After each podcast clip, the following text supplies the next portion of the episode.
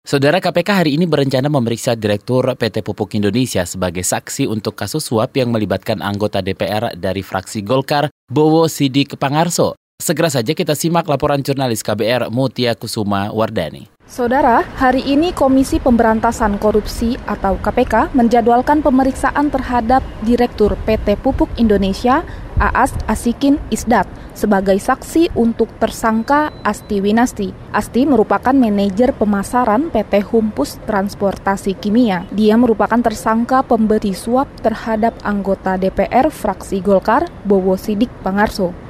Selain AAS, lembaga anti rasuah juga memeriksa pemilik PT Tiga Macan, Stephen Wang, dan dari pihak swasta, yaitu Agus Rustiana sebagai saksi Asti Winasti. Dalam perkara ini, Bowo Sidik Pangarso diduga menerima suap dengan jumlah total 8 miliar rupiah.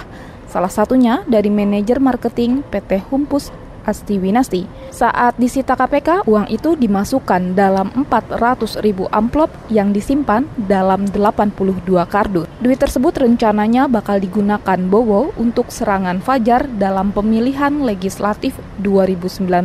Dalam pemeriksaan perdananya, Bowo mengaku sebagian uang itu diperoleh dari Menteri Perdagangan Enggar Tias Tolukita sebesar 2 miliar rupiah. Dari Gedung Merah Putih KPK, Mutia Kusuma untuk KBR.